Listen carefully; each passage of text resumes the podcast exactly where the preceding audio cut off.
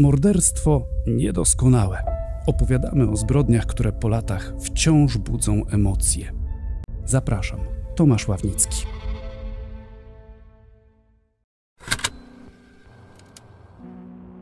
Wydawało się, że do wyjaśnienia tej sprawy brakuje tak niewiele, że jeszcze miesiąc, może dwa, i prokuratura będzie stawiać zarzuty.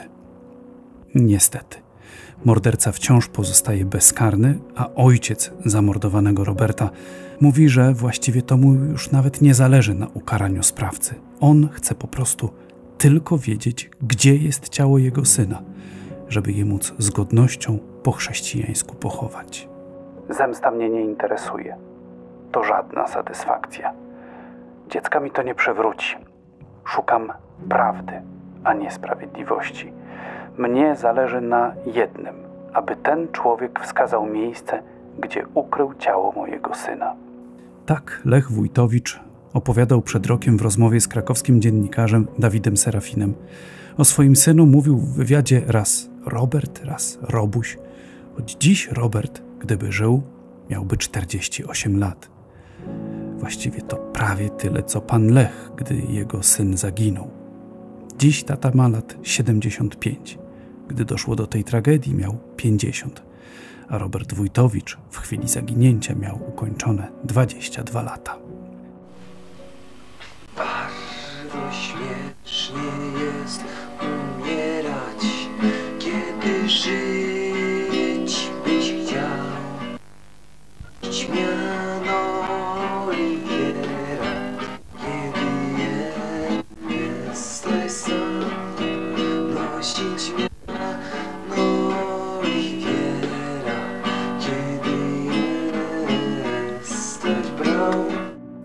nagranie z niedużego pokoju mieszkania na krakowskim osiedlu Złotego Wieku w dzielnicy Mistrzejowice ma już ponad ćwierć wieku. Widać na nim studenta Roberta Wójtowicza grającego na gitarze i śpiewającego utwór Śmiech kultowego tria Gintrowski-Kaczmarski-Łapiński. Pierwszy wers wiersza poety Krzysztofa Marii Sieniawskiego bardzo śmiesznie jest umierać, aż chwyta za gardło, gdy się pomyśli o tym, jaki los spotkał Roberta. W styczniu 1995 roku rano wyszedł wyrzucić śmieci, a potem miał iść na uczelnię. Na wykłady nigdy nie dotarł. Gdy wieczorem nie wrócił do domu, rodzina podjęła poszukiwania. Policja nie od razu przyjęła zgłoszenie od zrozpaczonej matki. Kazano czekać 48 godzin, dopiero potem zaczęto coś robić. Badano wątki zupełnie nieprawdopodobne, że wstąpił do sekty, że popełnił samobójstwo, że wyjechał za granicę. Wszystkie badane tropy się urywały. Rodzina poruszyła niebo i ziemię. W całym Krakowie rozlepiono plakaty ze zdjęciem Roberta. W lokalnych gazetach, radiach i telewizjach ukazały się komunikaty z prośbą o pomoc w ustaleniu miejsca pobytu. Mijały dni, tygodnie, miesiące, aż policjanci stwierdzili, że zrobili tyle, ile się da i nic już więcej nie da rady ustalić. Tylko jak pogodzić się z tą wiadomością? Bliscy Roberta w kolejne rocznice jego zaginięcia próbowali jeszcze raz i jeszcze raz zainteresować media sprawą, bo każdy artykuł, każda wzmianka w gazecie dawała nadzieję, że może ktoś sobie przypomni jakiś szczegół, że może ktoś, kto Roberta uprowadził, bo takie było przekonanie rodziny, wykona jakiś fałszywy krok i sprowadzi na siebie uwagę policji. Mijały długie lata. O sprawie było coraz ciszej. Aż w końcu, po ponad 18 latach od zaginięcia Roberta Wójtowicza, z panem Lechem spotkała się dziennikarka Gazety Krakowskiej Maria Mazurek. W 2013 roku w przejmującym tekście opisała walkę o to, by poznać prawdę o losie 22-latka z osiedla Złotego Wieku. Pisała o angażowaniu jasnowidzów i detektywów, o organizowanym co jakiś czas, także po wielu latach, plakatowaniu Krakowa zdjęciami Roberta, o skrupulatnie prowadzonym przez pana Lecha od narodzin syna zielonym segregatorze, w którym gromadził wszystko co ważne dotyczące Roberta, i o segregatorach, w których gromadził wszystko istotne, co dotyczyło już zaginięcia syna. Ale dziennikarka Gazety Krakowskiej na napisaniu tekstu nie poprzestała. Postanowiła, że tak tego nie zostawi. Maria Mazurek uznała, że jedynym sposobem na to, by wreszcie poznać prawdę o losach Roberta Wójtowicza, jest śledztwo ekspertów z tzw. Archiwum X. W krakowskiej Komendzie Wojewódzkiej Policji Uwaga, w pierwszej w kraju już w 1999 roku powstał zespół do spraw przestępstw niewykrytych. Przez wiele lat działał nieformalnie. W 2005 roku go sformalizowano. Dopiero później, wzorem Krakowa, kilkuosobowe grupy policjantów, szumnie nazywane Archiwum X, powstawały w innych komendach wojewódzkich. To właśnie dziennikarka Gazety Krakowskiej Maria Mazurek doprowadziła do tego, że Archiwum X podjęło się wyjaśnienia sprawy Roberta Wójtowicza. Archiwum X bez pani by tego nie ruszyło.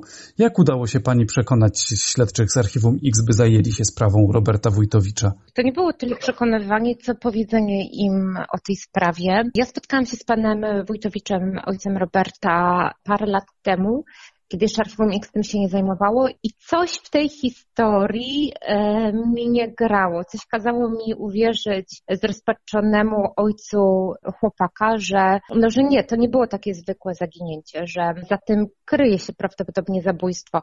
Ta rozmowa mną wstrząsnęła, miał, i to zresztą po każdy dziennikarz, który poszedł po mnie pewnie mógł się zapoznać z tymi materiałami. On miał takie segregatory, w których dokumentował całą twórczość, korespondencję Roberta i z tej korespondencji, z jego pamiętników wyłaniał się obraz chłopaka, który jest bardzo wrażliwy. Pewnie tam jak każdy młody człowiek mierzy się z jakimiś problemami, ale który raczej nie zniknąłby, który kocha rodzinę, nie zniknąłby z dnia na dzień.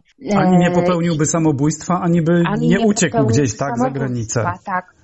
I w zasadzie moja rola sprowadziła się tylko do tego, że gdzieś po prostu do takiej intuicji, że warto tu zaufać ojcu. Też coś mi nie grało, przejęłam trochę jego perspektywę, oczywiście bez wyrokowania, bo nie jestem od tego, no, nie, nie, nie, nie jestem z policji, nie jestem z prokuratury. Nie wiem, czy w zawodzie dziennikarza istnieje coś takiego jak intuicja, chyba tak i chyba każdy z nas ją jakoś posiada. I moja rola skończyła się na tym, że zadzwoniłam do Bogdana Michalca, który wówczas był szefem Archiwum X, a akurat wpadłam na to, dlatego że dosłownie tam tydzień czy dwa tygodnie wcześniej przeprowadzałam z nim wywiad i w zasadzie tylko ta koincydencja sprawiła, że gdzieś pomyślałam, żeby go tym zainteresować i tyle. I to był jeden telefon, także to nie jest tak, że to mi się zaczęło, ja to wychodziłam i ja coś wielkiego zrobiłam w tej sprawie, tylko zainteresowałam tego człowieka tematem. Bogdan Michalec dość szybko y, ocenił, że w to zabójstwo może być zamieszany ktoś z najbliższego otoczenia Roberta. Nie z rodziny, ale z najbliższego otoczenia. Kto wtedy był tym najbliższym otoczeniem dla Roberta Wójtowicza? Byli to kapłani, byli to przyjaciele pewnie z duszpasterstwa. Był bardzo zaangażowany w życie kościoła, w takie życie duszpasterstwa akademickiego bardziej, może źle się wyraziłam. I to były osoby stamtąd. Z nimi się zaprzyjaźnił, był pod ich wpływem pewnie też jakieś osoby, które spotkał na studiach i no i rodzina, bo on rzeczywiście był, był z rodziną bardzo związany. Ale w ogóle ta rodzina, to jest też niesamowite, bo ja potem robiłam kolejny, kolejny reportaż z jego ojcem i kolejne teksty. I to też mnie uderzyło w tej historii, jak sprawa, niewyjaśniona sprawa jakiegoś zaginięcia, zabójstwa, jak ona odciska piętno na całej rodzinie i ta rodzina po prostu po tym zdarzeniu się posypała, bo jego matka, rodzeństwo już chciało to zostawić i już chciał po prostu iść dalej, żyć dalej, a ojciec nie mógł tego odpuścić. I pewnie rzeczywiście gdzieś w tym wszystkim troszeczkę no, był bardzo zdeterminowany, może, może za bardzo, i to stało się takim sensem i celem jego życia. Nie potrafił po prostu odpuścić. I też dlatego w zasadzie myślę, to było mu potrzebne, bo nie po to, żeby on zresztą to podkreślił, nie po to, żeby, żeby tego sprawcę ukarać, tylko żeby on uważa, że on dopiero wtedy jest w stanie zaznać spokoju, kiedy ta sprawa się wyjaśni. Bo I on chce wiedzieć, również. chce móc w ogóle pochować swojego syna, tak? No tak. To tak. jest dla niego ważne. Mhm pochować i zamknąć ten etap. Natomiast to minęło tyle lat. Tak jak mówię, ta rodzina się rozwaliła, żona w niego odeszła i dzieci nie mają też z nim kontaktu pozostałe i ja nie wiem, czy na tym etapie to już jest tak naprawdę możliwe, czy to mu przyniesie jakieś ukojenie. Możliwe też, no to już jest takie moje domniemanie, że, że pana Lecha, y, że on ma wręcz obsesję na tym punkcie, dlatego że mhm. jego nie było w Polsce w tym momencie, kiedy Robert zniknął tak, tak, tak. On wtedy był na kontrakcie gdzieś na Syberii. Tak, myślę, że że, że tak, to pan użył słowa obsesja, ja go nie użyłam celowo, ale, ale miałam go na końcu języka. Myślę, że można by to potraktować już jako obsesję, która no to zawładnęło jego życiem i kiedyś pamiętam, przygotowałam jakiś reportaż o, o zaginięciach i tam się wypowiadali psycholodzy, że tak, że to jest tak naprawdę gorsze niż śmierć, jak nie wiadomo, co się z najbliższym stało, bo to wiąże się z bardziej chronicznym stresem i z większym cierpieniem tak naprawdę. Gdy Robert zaginął, jego tata był w Magnitogorsku, mieście w dalekiej Rosji, na Uralu. Gdy tylko dotarła do niego ta wiadomość, od razu wsiadł w pociąg i wrócił do Krakowa, ale do tego jeszcze za chwilę wrócimy. Najpierw parę słów o samym Robercie. To nie był chłopak szukający wrażeń, żyjący od imprezy do imprezy. Wręcz przeciwnie. Spokojny, uduchowiony, poetycki, trochę samotny, czasem smutny, czasem poważny. Jak na swój wiek nader dojrzały.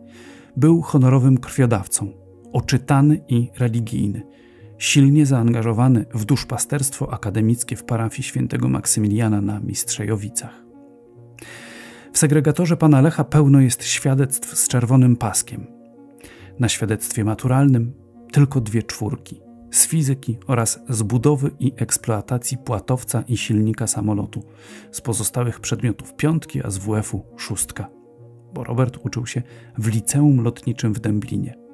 Ukończył je z wyróżnieniem, uzyskując zawód technika osprzętu lotniczego. Następnie rozpoczął studia na Akademii Wojskowej w Łodzi, ale po trzech semestrach zrezygnował z nich. Zdecydował się wrócić do rodzinnego Krakowa, gdzie rozpoczął studia na kierunku psychologia na Uniwersytecie Jagiellońskim. Zamieszkał znowu z mamą i z rodzeństwem. Ojca akurat nie było, bo wyjechał do pracy na kontrakt do Rosji. Na święta w grudniu 1994 roku do pana Lecha przyjechała żona, ale potem wróciła do kraju. Do Magnitogorska 10 stycznia dotarł list od syna, w którym ten opisywał, gdzie był na Sylwestra, jak się bawił ze znajomymi z duszpasterstwa akademickiego, że właściwie to się nie bawił, tylko prawie całą noc przegadał z księdzem, opiekunem duszpasterstwa. I potem okazało się, że to był ostatni list. 20 stycznia 1995 roku. Kraków, dzielnica Mistrzejowice, osiedle Złotego Wieku. Jest około 10 rano. Robert Wójtowicz miał wyrzucić śmieci, potem iść na wykłady. Ostatni raz był widziany przed swoim blokiem. Potem, jak kamień w wodę. Mama Roberta jeszcze tego samego wieczoru idzie na policję, prosząc, by szukano jej syna.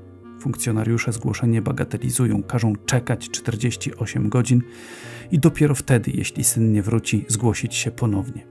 Po dwóch dobach komenda rejonowa policji Kraków Wschód przyjmuje zgłoszenie. Na ulicach Krakowa pojawia się cała masa plakatów ze zdjęciem Roberta. 20 stycznia 1995 roku wyszedł i do tej pory nie powrócił Robert Wójtowicz.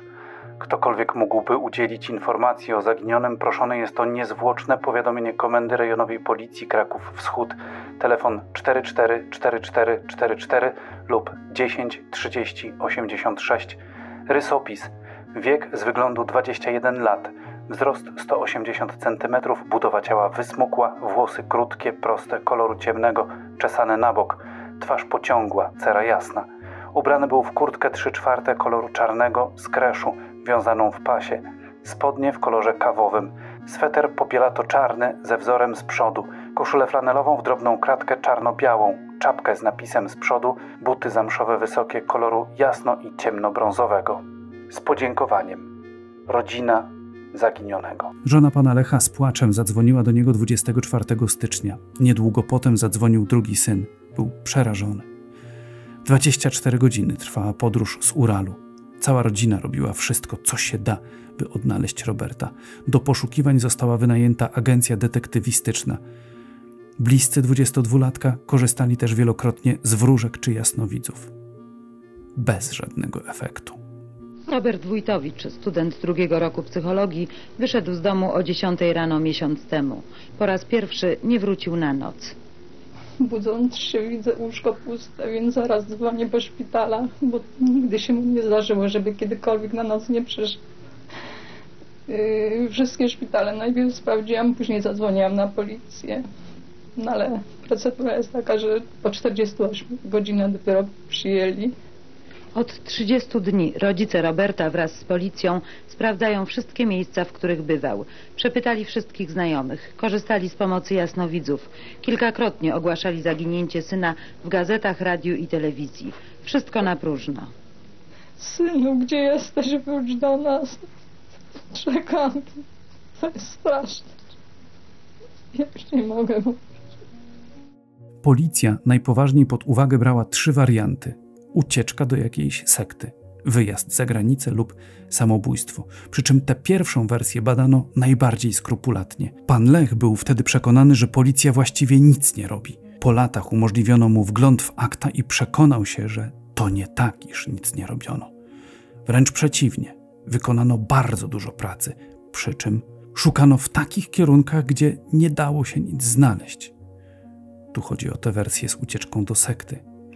Policja tak skrupulatnie poszukiwała Roberta po różnych sektach, bo taki trop mundurowym podrzucił ksiądz, uwielbiany przez młodzież ówczesny wikary z parafii w Mistrzejowicach, opiekun duszpasterstwa akademickiego, w które zaangażowany był wówczas student drugiego roku psychologii.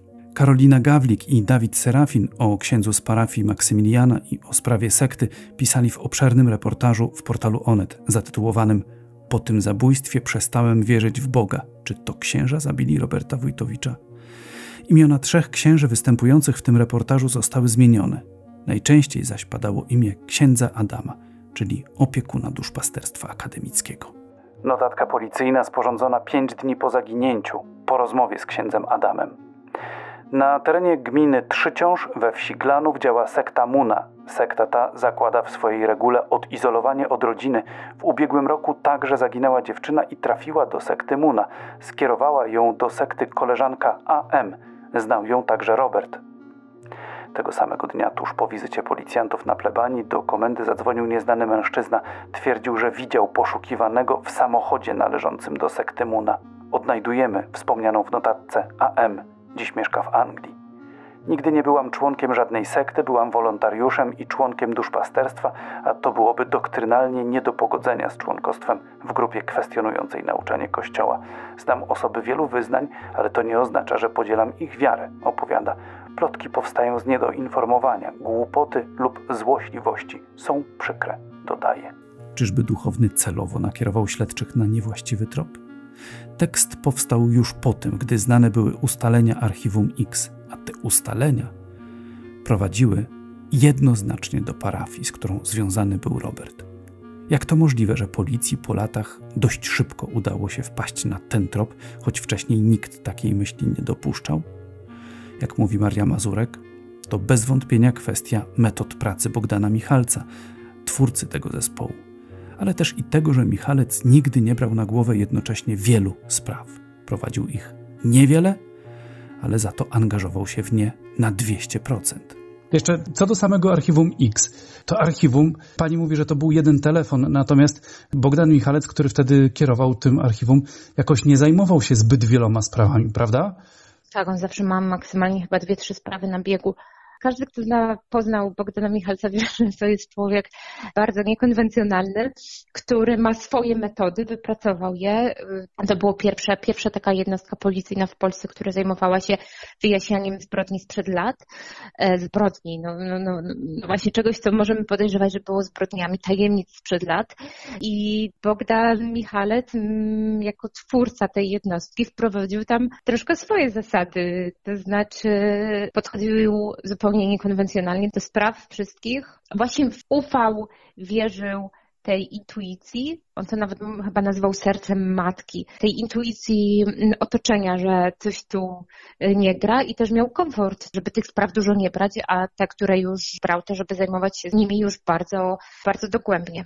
No i co tu dużo opowiadać, akurat krakowskie Archiwum X tych sukcesów na koncie ma dużo. No tak, myślę, że to czas i zaangażowanie, którego czasem brakuje podczas tradycyjnych śledztw. Co zatem ustaliło Archiwum X?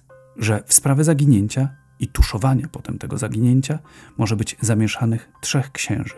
Wspomniany ksiądz Adam, jego młodszy brat, który jeszcze w 95 roku był klerykiem, oraz jeszcze jeden duchowny, ich znajomy, pochodzący z tego samego powiatu. Krakowska kuria oświadczyła, że deklaruje współpracę z policją w wyjaśnieniu tej sprawy. trzej duchowni zostali poddani badaniom wariografem.